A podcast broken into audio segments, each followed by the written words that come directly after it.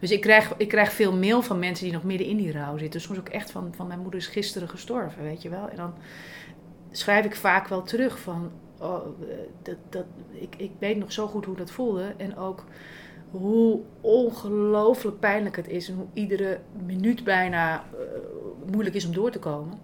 Maar heb vertrouwen, het wordt beter. Het wordt echt beter. Dit is de Braveheart Club. De podcast van happiness en schrijver en angstonderzoeker Rowanne van Voorst. Waarin we in gesprek gaan met moedige mensen. Vrije denkers. Mensen die tegen de stroom in durven te gaan. En die daarvoor kleine en grote angsten overwonnen. Mensen die soms bang waren, maar besloten dat iets anders belangrijker was. Roos Slikker is schrijfster van boeken, columns en theaterstukken. Ze is ook goed lachs, een stoere verschijning en schijnbaar altijd vrolijk. Schijnbaar ja, want natuurlijk is Roos ook gewoon mens en dus maakt ze gewone mensendingen mee. Verdriet, rouw, angst. Daar hebben we het vandaag over en dan specifiek over de dood van haar moeder, die een bipolaire stoornis had, en de dood van haar allereerste kindje. Geen makkelijke onderwerpen, wel hele mooie en belangrijke lessen. Want, zegt Roos, de angst en de pijn durven doorvoelen, dat is pas moedig. En daar wordt ze steeds beter in. Lieve Roos, ik uh, heb je uitgenodigd omdat je natuurlijk... Je bent een beetje vriendin van mij. Je bent een vriendin van mij en we hebben samen een podcast ook. En normaal is dat een beetje gek als je dan mensen uitnodigt. Maar bij jou dacht ik al een paar keer, ja maar het moet gewoon. Je past er zo in. en ik wilde het eigenlijk... Uh, ik wil je eigenlijk van alles vragen over je boek Moeder van Glas. Want mhm. Wanneer is dat uitgekomen? Um, een jaar geleden. Een jaar geleden. Ja. En dat gaat over iets heel persoonlijks. En het gaat over de ziekte van jouw moeder. Ja. En ook wel een mentale ziekte. Ja. Mag je dat stoornis noemen? Ja, ze had een, een bipolaire stoornis. Dus ja. Uh, ja. ja. En het, het boek gaat daarover en daar wil ik het heel graag met je over hebben. En ik wil het, ben dan eigenlijk ook zo benieuwd naar jouw verwerking daarvan. Want dat gaat ook heel erg duidelijk in het boek. Laat je heel eerlijk zien hoe ontzettend moeilijk dat voor jou is geweest. Ja, zeker. Ja. En ik vond dat heel moedig. dat je dat zo durfde te laten zien in je boek. Ja, ja. Ik, ik moest er wel over nadenken. Van moedig, moedig, ja. Ja, ja. Um, heb je dat zelf nooit moedig gevonden toen je eraan ging beginnen? Toen je het voorstelde aan je uitgever van ik ga iets heel persoonlijks opschrijven? Nee, ik vind, um, ik schrijf ook columns voor het Parool en, en, en mijn moeder is overleden. En toen mijn moeder nog leefde, toen schreef ik al regelmatig over mijn moeder. Um, en toen werd ik ook, ik krijg altijd heel veel mail op en, en, berichtjes op van mensen, dat mensen het ook vaak moedig noemen. Dat vond ik altijd zo'n gek woord. Um, Terwijl tegelijkertijd ik me wel realiseer dat het ook best spannend is. toen ik ermee begon, vond ik het, toen was het moediger, denk ik. Want toen vond ik het echt heel spannend. Omdat ik dacht, ja, uh, uh, als je heel kwetsbare persoonlijke dingen opschrijft, dan kennen mensen je Achilleshiel natuurlijk. En um, dat, dat is spannend. Zeker in een tijd als nu, waarin er natuurlijk ontzettend veel oordeel is over iedereen. En iedereen ook ontzettend de behoefte heeft om te vertellen wat ze van je vinden. Zeker online. Um, ja, dan is het natuurlijk best wel pittig om uh, dingen op te schrijven waar, waar, waarmee, waarmee, je makkelijk te raken bent. En dat, dat is natuurlijk zo. Ik, ik, heb een andere jeugd dan andere mensen gehad en ik had een zeer kwetsbare moeder. Ja. Um, maar. Um, uh, kun, je, kun je eens vertellen wat dat voor mensen die echt helemaal geen idee hebben, uh, wat is een bipolaire stoornis? Hoe ja. uitte zich dat bij jou? Nou, een bipolaire stoornis is eigenlijk wat ze vroeger manisch-depressief noemen. Uh, sorry, noemden. Dat, dat, heet tegenwoordig bipolaire stoornis, ik weet eigenlijk niet precies waarom. Um, maar dat, dat, uh, je hebt verschillende vormen. Maar bij mijn moeder was het zo dat. Uh, het is in het algemeen is het zo dat uh, periodes van euforie en, en heel gelukkig zijn. die worden afgewisseld met uh, zware depressies. En bij sommige mensen zijn die euforische periodes zo heftig dat ze bijvoorbeeld heel veel geld gaan uitgeven, heel grenzeloos zijn, denken dat ze kunnen vliegen, um, echt een gevaar kunnen zijn voor zichzelf.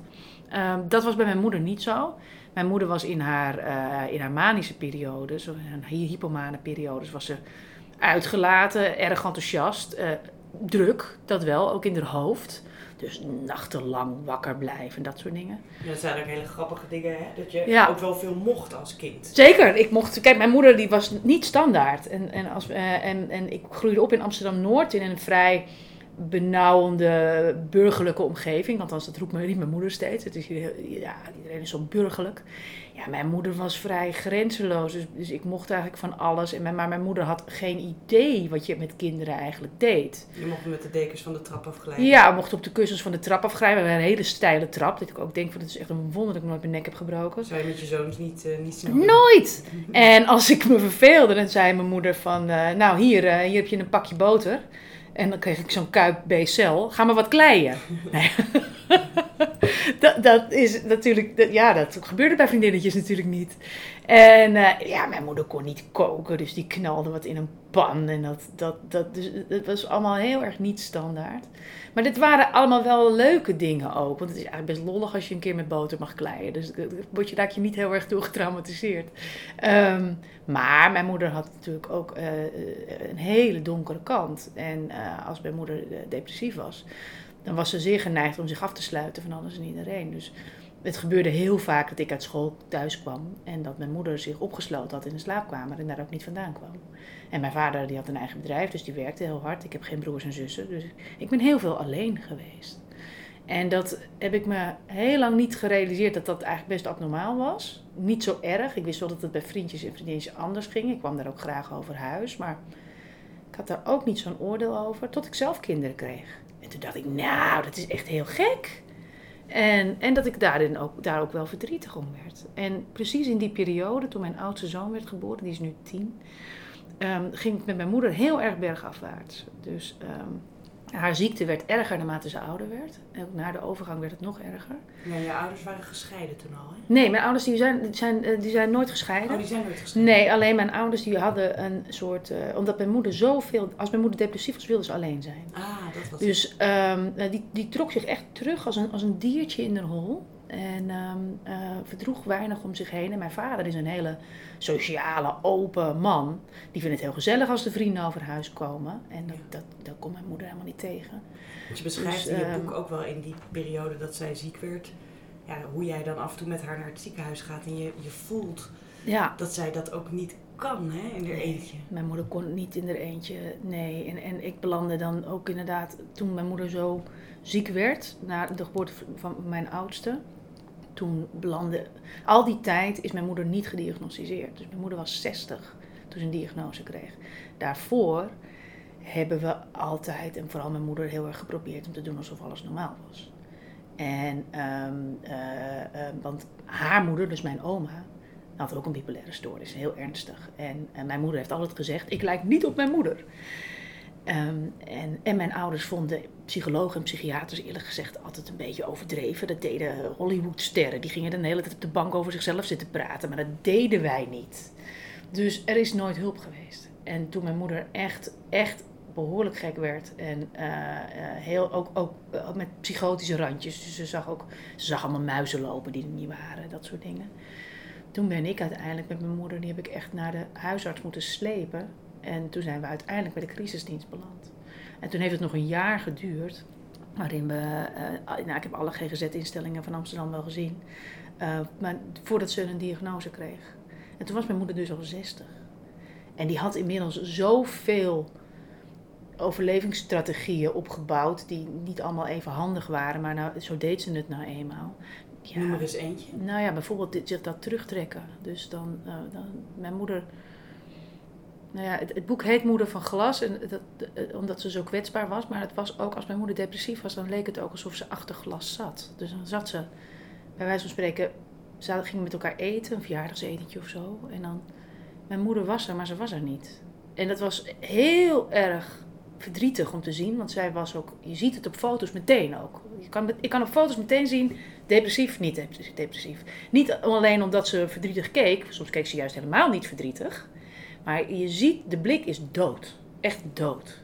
En dat, dat, is, dat vind ik nog steeds heel moeilijk om te zien. En, dat, en ja, haar, tactiek was eigenlijk uh, alles keerde naar binnen. En, um, en, en uh, ja, toen mijn moeder de diagnose kreeg, toen kreeg ze ook therapie en ook allerlei nou, werd er, bijvoorbeeld, wordt bijvoorbeeld met, veel gedaan met mindfulness met, met, met dit soort patiënten. Er wordt veel gedaan met meditatie en dat soort dingen. Omdat het heel fijn is, uh, vind ik zelf ook, uh, uh, om afstand te kunnen nemen van al die gedachten in je kop. Dus alle negatieve, depressieve gedachten. Als je daar een klein stapje achteruit bij kunt zetten. En kunt denken, oké, ik denk nu alleen maar alleen maar nare dingen, maar daarachter ben ik ook nog iemand zonder die gedachten, dan kan dat heel erg veel verlichting geven. Maar bij mijn moeder ging dat er al lang niet meer in. Dus die had, al zo, die had zich al zo lang ook volledig geïdentificeerd met die ziekte en met, met, met pijn. Mijn moeder noemde dat zielenpijn. Ja, dus, dus niet als in het is een ziekte, maar als in dit ben ik nou. Ja, als ze wij moeder depressief was, dan was er alleen maar depressie. En de echt zielenpijn. En dat is niet uit te leggen. Ik, ik, ik heb nooit depressies gekend. Dus ik, de, ik weet heel goed wat het is als iemand depressief is, omdat ik er heel erg lang naast heb gestaan. Maar de echte zielenpijn van binnen, die ken ik niet. Vond jij het fijn toen de diagnose werd ja, gesteld? Ja, dat was een ontzettende opluchting. Um, uh, ook omdat ik daardoor minder boos was. Ik ben een tijd best boos geweest. Op? Op haar. Omdat ik vond dat ze uh, vaak emotioneel erg onbereikbaar is geweest voor mij. Uh, omdat de moeder-dochterrelatie altijd omgekeerd is geweest. En, en daar ben ik heel, zeker toen ik kinderen kreeg, dacht ik van nou, wat heb jij me nou geflikt? Dat is helemaal niet normaal. En ehm, toen ze eenmaal die diagnose had, ja, hoe kan je boos zijn op iemand die ziek is? Weet je, je kan niet, ik, heb, ik zeg het ook altijd, je kan niet iemand die verlamd is uh, daarvan eisen dat hij de marathon loopt. Mijn moeder kon het niet. Weet je wat ik zo bijzonder vind? Jij klinkt best pittig. Ja. Als in, ik ben toen met haar naar de ziekenhuizen, ik heb haar toen meegesleept naar, ja. en, en ook boosheid. Maar als je jouw boek leest, jij hebt daarna echt wel ja, een soort paniekaanvallen gekregen. Ja, toen mijn moeder overleed. Ja. ja. dat was eigenlijk. Ik zou het boek eerst schrijven met mijn moeder samen. Daar hadden we ook al een contract voor getekend. En ik, want ik had toen mijn moeder, nadat mijn moeder die diagnose kreeg en ik over haar geschreven had, wat ze overigens heel fijn vond, uh, in, in, in mijn columns. Um, toen dacht ik, ik, ik vind het zo fascinerend dat je je hele leven eigenlijk probeert om jezelf te verhullen. Om de gekte buiten de deur te duwen. En ik wilde met haar terug naar allerlei plekken in haar leven om te weten hoe dat werkt, zo'n overlevingsmechanisme. En ergens ook wel, omdat het natuurlijk voor ons allemaal een beetje geldt. We zijn, hebben allemaal donkere hoekjes in ons hoofd. We hebben allemaal ook kleine gekke dingetjes die niet te vergelijken zijn met een bipolaire stoornis, maar nog steeds. We doen natuurlijk allemaal ons iets beter en groter en mooier voor dan we zijn. Vrolijker. Soms. Vrolijker vaak, weet je wel. En, en ik dacht, dat, dat, vond ik, dat vond ik interessant. En uh, nou, het leek me mooi om die reis met mijn moeder te maken. En toen viel mijn moeder van de trap. Um, ja, bovenop dat, dat, dat volle hoofd van haar. En uh, is, uh, heeft nog een paar weken in coma gelegen. Toen is ze overleden. Ja, want dat is een hele ja, nare scène, scène zelfs om ja. te lezen. Het lijkt ja. me heel ja. moeilijk geweest om die te schrijven. Maar misschien was dat niet zo. Want jouw moeder is op een hele, ja, toch wel een beetje eenzame manier gestorven of zo? Want die is gewoon gevallen. Die ja, ze is gewoon gevallen. gehad met haar ziekte. Weet je, wat het, weet je wat het is? Het, het, nu, het is nu twee jaar geleden en naarmate het langer geleden is, vind ik het minder pijnlijk. Haar dood is eigenlijk steeds meer een verlossing dan een, iets heel pijnlijks. In het begin was het, je wilde niet eens aan denken dat zoiets gebeurt. Mijn, mijn, mijn vader heeft mijn moeder onderaan de trap gevonden in een plas met bloed. Nou ja, toen was ze eigenlijk al eh, in coma. Nou, het is allemaal heel vreselijk. Maar mijn, achteraf, nu denk ik, mijn moeder heeft niets geweten. Die heeft niks gemerkt. Ze is waarschijnlijk flauw gevallen bovenaan de trap. Heeft niets gedaan om de val te breken. Waarschijnlijk omdat ze al weg was. Iets neurologisch vermoeden ze. En, uh, en, en het was gedaan. Ja. Dus mijn moeder, die altijd ontzettend bang was ook, heel angstig voor dingen. Dus uh, mijn moeder kon aan de ene kant verlangen naar de dood en tegelijkertijd was ze bang voor de snee in de vinger. Ja, die is wel uh, verlost, zou ik maar zeggen. Hoewel ik, en ik, hoewel ik er natuurlijk nog heel graag bij me had gehad. Maar wat er gebeurde na haar dood was, uh, toen dacht ik eerst, ik ga het boek niet schrijven. Dat is echt. Ja, toen moest je het ineens alleen doen. Ik denk, dat kan helemaal niet. Daar ging je co-auteur. Ja, mijn co-auteur was dood. Nou, dat is, uh, dat is een dingetje. Ja. en plus, uh, haar, het gekke is, toen mijn moeder nog leefde, heb ik best wel vaak ook tegen vrienden gezegd. Hele intieme momenten van, als mijn moeders hart er morgen weer ophoudt, dan heb ik daar heel gauw vrede mee. Want ze is zo ongelukkig. En toen ging ze dood en ik had helemaal nergens vrede mee het, heeft, het was, het was, ik, werd, ik werd opengereten. Ik had zoveel verdriet om wie ze was, maar ook wie ze niet geweest was. Om de manier waarop ze overleden is. Om, ook de mooie momenten waarvan ik vond dat ze er te. Die heeft ze wel heel intens beleefd, maar ik vond natuurlijk wel dat ze te weinig ervan had gehad. En toen werd ze maar 68. Wat was dat? En ehm, in die, het jaar van rouw dat erop volgde, ging ik, ja, ik ben nou eenmaal schrijver, dus ik ging natuurlijk toch dingen opschrijven. Al is het maar omdat ik anders mijn hoofd ook niet stil krijg. En langzaamaan merkte ik dat ik in mijn rouwproces hetzelfde gedrag vertoonde als mijn moeder. Want wat gebeurt er? In het begin komt iedereen natuurlijk met bloemen en weet ik het allemaal niet. En na een week of zes is de eerste buurman die vraagt al: En heb je dan een plekje gegeven? Dat, zo gaat dat, want wij vinden het leed van een ander ook heel moeilijk te verdragen. Ik had helemaal niks een plekje gegeven. Maar wat deed ik? Want dat heb ik nou helemaal ook altijd geleerd. Ik ging mooi weer spelen. Ik zei, ja hoor, ja, ja hoor. Uh, ga lekker op vakantie. En gaat beter. Gaat beter. Ik kan me nog herinneren een keer dat zo'n buurman dat op straat vroeg. En ik stond daar met twee volle boodschappentassen. Waar voor mijn gevoel ook nog niet alleen de prei en de uien in zaten. Maar ook heel veel verdriet. En ik dan stralend naar die man een heel verhaal hield over dat het allemaal maar beter was zo. En dat ik mijn huis binnenliep. En tegen de deur, de deur dichtgooien en er tegen in elkaar ben gezakt en een uur op de grond heb gezeten. Omdat ik dacht, wie, wie, wie ben ik in godsnaam nog? voelde fake. Alles was fake. Ja. En dat was hetgene wat ik mijn moeder zo verweten had. En toen dacht ik, oh maar wacht even, misschien moet dat boek er toch komen. Want de invloed van mijn jeugd op mij is heel groot geweest. Dus ik heb heel erg geleerd ook om uh, inderdaad, ook wat je net benoemt, ook uh, uh, stevig te staan. Want iemand moest het doen, hè? Ja. Dus om sterk te zijn, om vrolijk te zijn. veel kinderen van, van, van psychiatrische patiënten die hebben een beetje last van hetzelfde. Namelijk dat ze heel erg hard roepen: van mij mag niemand last hebben in hun hoofd. Dus dat, ik, ben, ik ben dat, één op één. Ja. Maar in de rouw is dat echt, dat, nou ja, ik heb het een tijd volgehouden en toen ging mijn lichaam protesteren. Dus ik kreeg last van een evenwichtstoornis, waardoor ik de hele tijd duizeligheidsaanvallen kreeg. Nou, allemaal gedoe. En toen belandde ik op de bank bij een rouwtherapeut. Ik had natuurlijk ook nooit gedacht dat ik, mij dat zou gebeuren. Dat doen jullie niet. Want dat doen wij niet. en nou ja, in die tijd realiseerde ik me, oh, dit is, het gaat niet alleen maar over een psychiatrische ziekte, waarvan ik ook vind, daarvan vind ik nog steeds dat daar aandacht voor gevraagd moet worden en dat ik dat ook moet doen. Maar het gaat ook over onszelf. Het gaat ook over als je niet zo'n ziekte hebt. Het gaat ook over uit je evenwicht gebracht zijn, letterlijk en figuurlijk. Het gaat over hoe kwetsbaar is, hoe dun het lijntje tussen normaal en niet meer zo normaal is. Want ik was, ik heb geen enkele diagnose. Ik was gewoon in de rouw. Maar ik was echt niet mezelf. En jouw copingmechanisme was misschien wel net zo gevaarlijk voor jezelf? Of Minstens, ik deed hetzelfde. Ja. En weet je, als ik. Eh, ik weet niet waarom het mij niet gebeurd is dat ik. Ik ben niet in een depressie geraakt, hoewel ik denk ik wel in dat jaar best wel depressieve momenten gehad heb. Maar ik ben natuurlijk nooit zoals mijn moeder zo depressief geweest. Hoe dat kan, weet ik niet. Het is mazzel voor mij. Ja. Maar ik was er best wel heel dichtbij. Ja. En, dat, en, en daar wilde ik over schrijven. En daarom wilde ik dat boek maken. Omdat gekte, en dat is dan heel oneerbiedig gezegd, maar ik noem het maar gewoon gekte.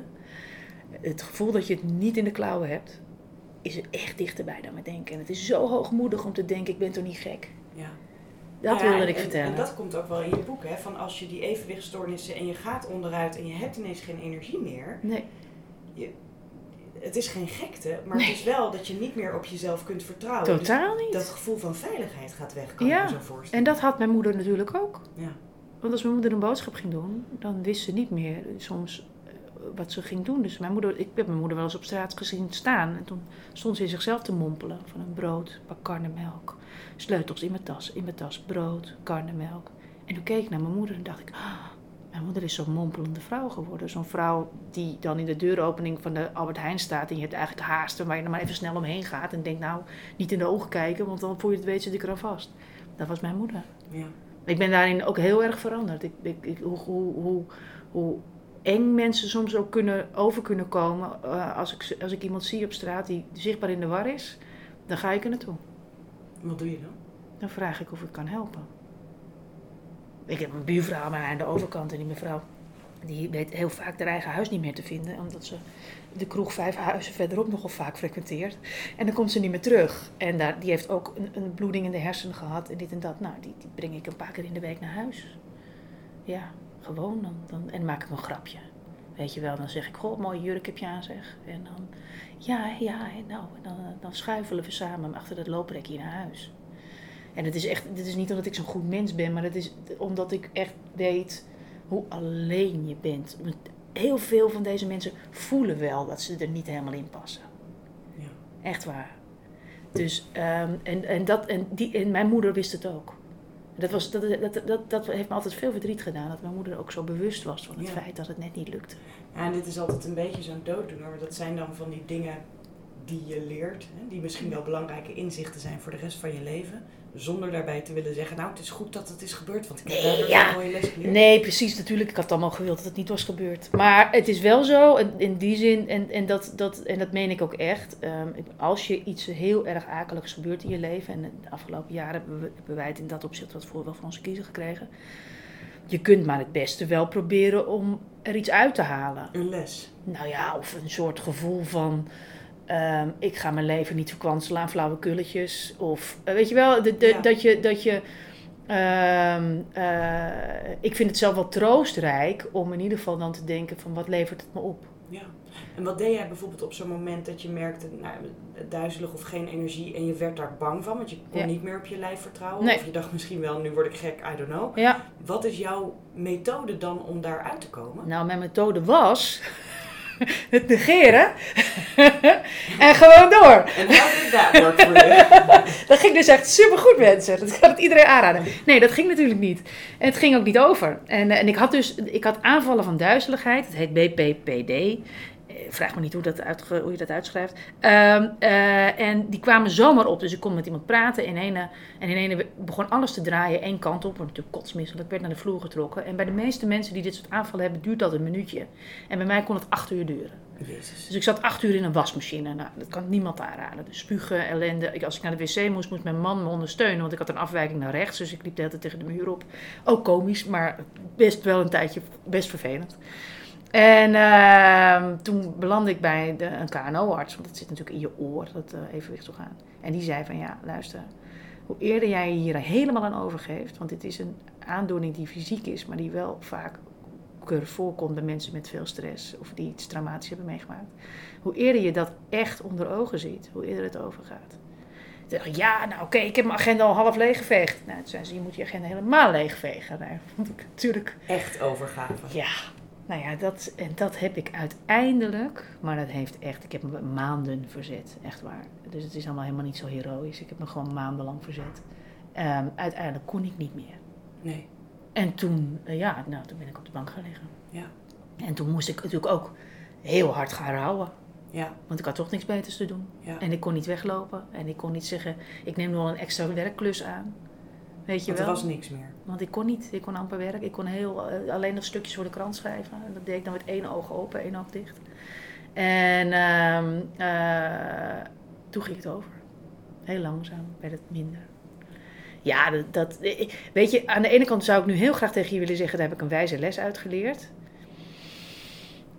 De wijze les is eigenlijk dat ik heus wel weet dat dit een groef is waar ik nog wel vaker, ik hoop niet zo erg, maar nog wel vaker misschien in beland. Omdat dit nou eenmaal mijn copingstrategie is. En dat is doen alsof er niks aan de hand is en doorharken. Nou, ik weet nog goed dat jij, wij zagen elkaar toen volgens mij voor een podcastopname van de Freedom Writers. En toen had je de avond daarvoor mm-hmm. een theatervoorstelling gehad. En ja. die ging over stoornissen, mentale stoornissen. En toen had je toch weer een beetje jezelf overschat. In die zin dat ja. je zei, nou, ik ging dat gewoon doen. Ja, en ik, ik, had daar niemand bij meegenomen. En toen was ik ineens toch wel heel moe, omdat ik over mijn moeder had verteld. Ja, ik was, het was nog erger. Het was op het depressiegala. Het was een heel groot gala in Tuschinski met heel veel mensen. En ik ging daar voorlezen uit mijn boek Moeder van Glas. Dus wat gebeurt er? Er wordt enorm groot op de bioscoop... Op het bioscoopscherm in de grote zaal wordt mijn moeder geprojecteerd. Foto. Foto. En toen moest ik daar gaan staan en, mijn, en voorlezen. Nou, dat ging allemaal wel. Maar de rest van de avond moest ik natuurlijk allemaal luisteren naar allemaal mensen die eigenlijk zoals mama waren. En toen dacht ik, waarom heb ik nou niemand meegenomen? Niet je man ter ondersteuning? Nee, die dat echt meteen zou hebben. Ik heb, ik heb het niet eens over gehad. Ik weet wel dat ze zeiden van, oh, als je nog iemand mee wil nemen. Dat, dat heb je altijd bij dat soort dingen, dat mensen dat zeggen. Nee, nee. Ik, Schoon werk, dacht jij? Ja geen seconde bij stilgestaan dat mij dit persoonlijk natuurlijk heel erg raakt. Dus um, om nou te zeggen dat ik nu uh, herboren ben en weet hoe het leven moet, nee hoor, ben je gek. Maar ja, ik weet nu wel, ik kan tenminste wel de dag daarna zeggen: Oké, Roos, dat was raar. Je had wel best iemand mee mogen nemen. Nou, dat is wel heel wat, want voorheen had ik er niet eens op stilgestaan. En misschien ook wel, maar dat is mijn projectie. Als je voelt dat het heel slecht gaat, dat je dus ook weet dat als je er misschien wel doorheen gaat, of dat er kans is dat het weer beter wordt. Weet je wel? Dat ja. lijkt me wel een belangrijke. Dat is ook met zo'n rouwproces zo. Hè? Het is wel, als je er middenin zit, dan denk je, dit gaat nooit meer over. Ik word nooit meer 100% gelukkig. Uh, ik werd wel met, in momenten gelukkig, dat was ik toen ook wel, maar het wordt nooit meer. En dat is niet waar. Ehm, dat, dat, dat is echt, ik bedoel, ik ben nog steeds af en toe, weet je, als we er nu over praten, of mijn moeder praten, voel ik me ook, voel ik ook verdriet. Maar ik, ik ben wel gelukkig. En ik ben wel, uh, de, weet je, de, de, de, momenten waarop je aan haar denkt, die worden minder. Het wordt minder, minder scherp, uh, minder de echt, ja. Het cliché van de scherpe randjes die eraf gaan, dat is wel echt zo. En dat is troostrijk. Want het leven kan je wel af en toe een links directe uitdelen. En dan lig je misschien een tijdje eh, met sterretjes uh, naar adem happend op de grond. Maar je staat wel op. En nou durf ik het eigenlijk helemaal niet meer over te beginnen. Maar had, had je er wel van tevoren ook over geappt. Want er is natuurlijk nog een onderwerp waar jij um, het afgelopen jaar, misschien ook wel de jaren daarvoor. Ja, de jaren daarvoor vooral. Ja. Echt wel voor op de pres hebt ja. gestaan. Terwijl het een heel pijnlijk persoonlijk onderwerp is. Ja. Uh, en dat gaat over een doodgeboren kindje. En of dat soort kindjes geregistreerd mogen worden. Hè? Ja, ja. Kan je dat eens uitleggen wat dat is? Ja, ik heb, ik heb een, uh, of we, voor onze oudste zoon hebben wij, uh, waren wij ook zwanger en hebben we een dochter gekregen, Liv. En die, uh, die is overleden. ja, in, in de zwangerschap. Althans, nee, ze is tijdens de bevalling overleden, maar ze had een chromosoomafwijking. Die, en dan zegt de arts dat zo mooi, niet verenigbaar was met het leven. dus we hebben uiteindelijk ervoor gekozen om eerder te bevallen. En ze is tijdens de bevalling gestorven. Um, en um, waar ik, eh, nou ja goed, dat is heel akelig geweest natuurlijk, maar waar ik pas jaren later achter kwam, was dat kindjes die, um, dus uh, dit soort kinderen, die, die niet buiten de baarmoeder hebben geleefd, die hebben geademd, dat die volgens de wet, werd het, stond het zelfs omschreven, werden geacht niet te hebben bestaan. En dat is heel gek, want dat kind heeft in mijn buik geleefd. Dat, dat, dat, dat, heeft gewoon, dat, is, dat kind heeft een naam, dat kind heeft een graf. Dat, weet je, dat, dat, dat kind is, behoort bij ons, maar als je dan naar het, het bevolkingsregister zou kijken, dan staat dat kind daar niet. Dan kan je denken dat is een papiertje en een formaliteit. En dat is natuurlijk ook een beetje zo. En ik ben helemaal niet zo'n uh, uh, papierfetischist of bureaucratische tijger. Maar ik ontdekte toch dat ik dat lastig vond. En uh, met mij veel meer mensen. Dus ik heb daar een column over geschreven. En, uh, er was een uh, petitie in het leven geroepen. Dat heb ik niet gedaan. Het daarvoor al gebeurd. En die leidde een beetje een slapend bestaan. En toen schreef ik een column over en die ging viral. En toen bleek opeens dat er, ja, bleek, nee, dat weet je natuurlijk ook wel, maar het komt ontzettend veel voor. Maar het bleek dat heel veel mensen dat heel pijnlijk vonden dat hun kind niet geregistreerd stond. Toen dacht ik van nou, dan moeten we dan maar wat aan doen. En ik ben natuurlijk schrijver, ik ben geen activist. Um, maar ben toch maar eens een keer naar Den Haag gegaan. Ja, want je gaat dat dan dus wel doen. Bedoel... Ja, maar uh, ik, ik ben twee keer meegegaan naar Den Haag. En daarna er was een heel actiecomité opgericht. En daar heb ik me een beetje afzijdig van gehouden. Omdat ik nou eenmaal de vrijheid wil hebben om overal over te kunnen schrijven. Dus ik heb op een gegeven ogenblik ook... Uh, we hadden toen met minister Plasterk, die had wat beloftes gedaan. Die kwam die allemaal niet na.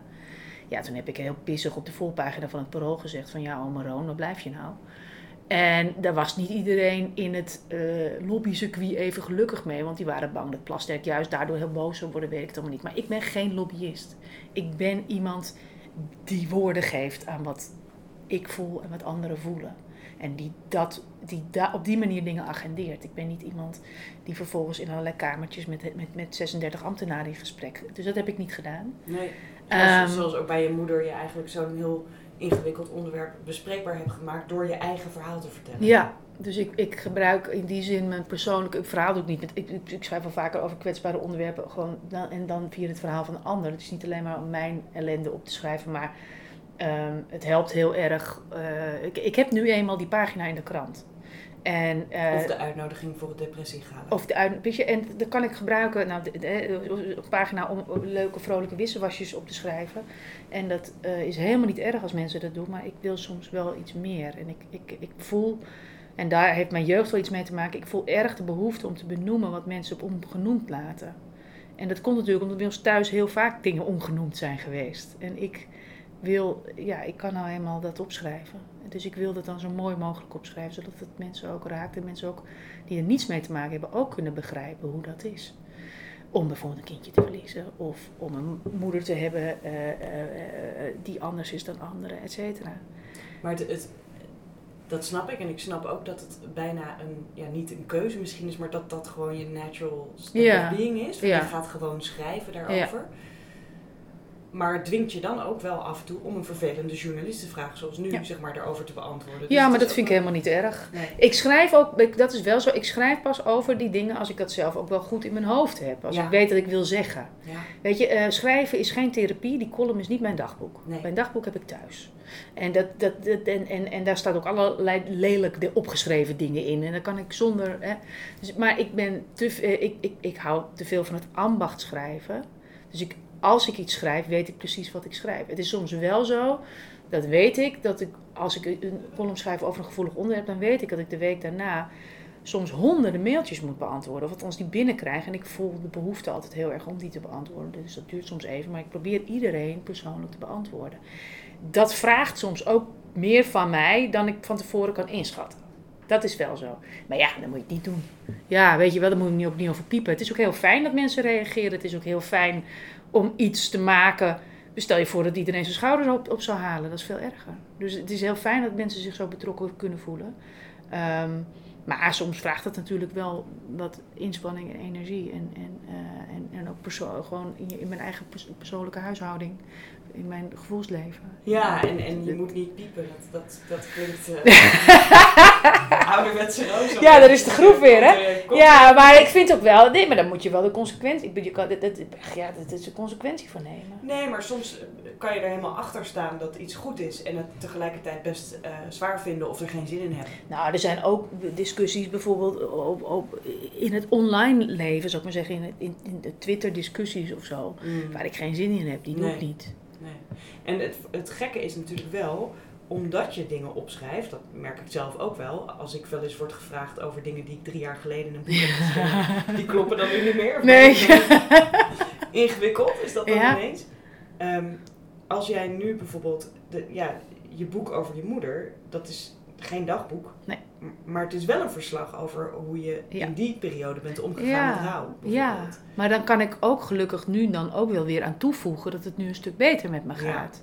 Dus ik krijg, ik krijg veel mail van mensen die nog midden in die rouw zitten. Soms ook echt van, van mijn moeder is gisteren gestorven, weet je wel. En dan schrijf ik vaak wel terug van, oh, dat, dat, ik, ik weet nog zo goed hoe dat voelde. En ook hoe ongelooflijk pijnlijk het is en hoe iedere minuut bijna uh, moeilijk is om door te komen. Maar heb vertrouwen, het wordt beter. Het wordt echt beter. Ja. En, en dat kan ik dan nu ook wel zeggen. En zonder dat het een platitude of een cliché is, weet je wel. Ik, het is, mijn ervaring is dat in ieder geval dat het beter wordt. Je hebt het doorvoerd. Ja. Dus ja. En Liv is dan tien jaar geleden. Ja, elf dit jaar. Ja, ja, ja, ja hielp dat nog op enig moment dat het inderdaad nu is gelukt om die wetswijziging een beetje uh, door te krijgen? Nou, ja, oh ja, want die wet, uiteindelijk na veel vijf en zes is de wet gewijzigd en kunnen mensen met terugwerkende kracht, wat echt fantastisch is, hun doodgeboren kindjes registreren. Dus ook mensen die in de jaren 50 een kindje ja, hebben. Dus Liv staat geregistreerd. Ja. Is en, officieel. En er zijn nu echt, echt tienduizenden kinderen. Er is heel veel uh, nou, gebruik van gemaakt, dus dat is heel fijn. Um, nou, kijk, het is nu, uh, het is binnenkort, uh, Liv is geboren en gestorven op 25 november, dus dat, die datum komt eraan. Ik merk het altijd aan de atmosfeer, in de lucht. Ik merk nu, weet je, we gaan naar de herfst, het is dat gevoel. Uh, dat, dat, dat kan ik daar soms nog met een beetje verdriet aan terugdenken. En het is dan niet dat ik op zo'n moment denk, nou, maar we hebben toch maar mooi de wet veranderd. Nee joh, ik had natuurlijk veel liever gewoon een, een dochter met, met twee staarten gehad. Maar ach, net wat ik net ook zei, het is wel zo dat ik, dat ik het heeft ook, uiteindelijk, er is iets goeds ook uit voortgekomen. Ja. Ik had het leven liever anders gezien, Maar als je dan toch moet roeien met de riemen die je hebt, nou dan kun je maar beter uh, een stukje de goede kant op roeien, zou ik maar zeggen. Ja. En, um, en dat, uh, ja, dat, dat vind ik fijn. Het heeft voor mij persoonlijk. Nou, het, het, heeft me, het heeft me veel, veel goeds gedaan. Um, en nog steeds trouwens. Ik krijg nog steeds berichten van mensen. Uh, dat zoveel mensen daar troost aan hebben. Dat vind ik heel fijn. Dus dat betekent gewoon dat het nodig was. Ja. Dus dat is heel fijn. En, uh, en het is fijn dat dat gebeurd is. Maar um, het grappige is dat ik zelf door over lift te schrijven natuurlijk haar al een soort bestaan heb gegeven in het openbaar. Dus voor mij was die registratie persoonlijk niet eens meer zo nodig. Nee. Grappig genoeg, omdat ik al over haar schreef, dus ze had bestaansrecht. Ja. En het dit ze gaat was vooral. Al zo duidelijk. Ja, ze was al zo duidelijk. En dit gaat vooral over zoveel kindjes, over wie nooit meer gesproken is zelfs. Nee. Of van, van mensen die niet eens weten waar ze gebleven zijn. Ze zijn gewoon afgenomen in het ziekenhuis, geen idee. En die, die mensen hebben heel veel aan een papiertje, merk ik. Tenminste, veel daarvan. En, uh, en, dat, en dat, ja, dat, ja, goed, dat geeft enige uh, genoegdoening inderdaad. Ja. ja. Laatste vraag, want die stel ik altijd aan iedereen uh, die hier komt. Wat vind jij moedig? Wat zou jij dan dapper vinden? Als je dan jezelf niet dapper vindt. Uh, ik vind mezelf soms ook wel dapper hoor. Het is niet dat ik alleen maar denk, oh mooi. Maar ik, wat vind ik moedig? Wat is moedig? Ik heb, ik heb veel uh, bewondering voor en respect voor mensen die heel autonoom durven te zijn. Um, ik ben zelf nogal meebewegerig in de zin dat ik um, dus niet snel, ik wil mensen niet tot last zijn. En, en, en, en um, mensen denken dat niet zo gauw van mij, omdat ik wel, niet bang ben om mijn mening te geven. Maar ik, ben, ik kan nogal makkelijk meevoegen, ben nogal conflictmijdend. En mensen die heel erg in alles wat ze doen durven te staan voor uh, wie zij zijn. Ook met hun kwetsbaarheden en ook met hun misschien afwijkende normen of wat dan ook. Dat vind ik moedig. En dat is iets wat ik wel steeds beter kan. Maar waar ik mezelf ook vaak nog op moet wijzen, weet je wel. Dus dan ben ik op een, weet ik veel, op een netwerkdiner of zo. Of op een uh, belangrijke journalistenavond. En dan ben ik toch heel erg geneigd om te voegen. Hmm. Heb je daar een tip voor? Heb je een tip voor jezelf en voor mensen die dat ook hebben? Van hoe je dat kunt oefenen? Nou, ik, ik, ik vind het, uh, het is wel fijn om het je steeds bewust te zijn. En ik, en ik uh, uh, en vooral als je. Ik, ik probeer me op dat soort momenten zelf. Je merkt het als je van jezelf afdwaalt. Je wordt niet doodongelukkig, maar je voelt wel ergens. Oh, wat heb ik veel praatjes. Of oh, wat zit ik ontzettend stom mee te knikken terwijl ik het eigenlijk gelul vind. Of terwijl ik eigenlijk een nuance zou willen aanbrengen. Of wat dan ook. En dat voelt onaangenaam. En wat ik zelf nog wel eens als trucje doe, vooral op evenementen of zo, is dat ik dan even naar de wc ga. en dan ga ik even zitten. En ik ga even een minuutje mijn ogen dicht, net alsof ik zou gaan mediteren of wat dan ook. Maar dan neem ik heel even afstand. Ik neem, haal mezelf even uit de situatie. Ja. En ik voel me toch beter. Niet, ik ben niet zo kont tegen de kribberig. Maar ik voel me wel beter als ik ik probeer vaker nu te benoemen wat ik voel. Dus dan ook te, te, te, te, zeggen van, goh, ja, ja, we zitten dit nu al heel hard te roepen, maar eigenlijk weet ik het helemaal niet zo zeker. Ja. En het grappige is, als je dat doet, vinden mensen dat vaak best wel fijn. Je bent, weet je, mensen, want de meeste mensen trekken een iets te grote broek aan. Dat doen we eigenlijk allemaal. Dus als er dan iemand is die durft te zeggen van, nou ja, is dat nou eigenlijk wel zo? Of wat dan ook. Of ik werd daar heel onzeker van. Of wat dan ook. Of ik weet het niet. Ik weet het niet. Of toen die en die dat over mij op Twitter zei, weet je wel, dan kunnen mensen heel erg stoer zeggen: Oh, trek me er niks van aan en uh, uh, dikke huid. Ik durf tegenwoordig echt hardop te zeggen: Ik heb geen dikke huid. Ik, het, het, ik, ik zou het graag willen, maar ik ben ook door Jan Lul uit Appingedam met 2,5 volger ben ik toch te raken. Ja. En ik weet dat het onterecht en stom is. Maar het is nou helemaal zo. Ja. En in plaats van heel hard te gaan, mezelf te gaan overschreeuwen. En te zeggen, oh, doe me niks, uh, wie, is dat, wie, is, wie is Jan nou, blablabla, kan ik nu zeggen van, nou, ik vind het gewoon een rare opmerking. Ik word er een beetje verdrietig van. Het doet pijn. Het doet pijn. En dat um, moed zit volgens mij heel erg in het in de ogen kijken van pijn. En uh, ik, ik denk dat ik daar wel in de afgelopen jaren beter in ben geworden. Dankjewel. Graag gedaan.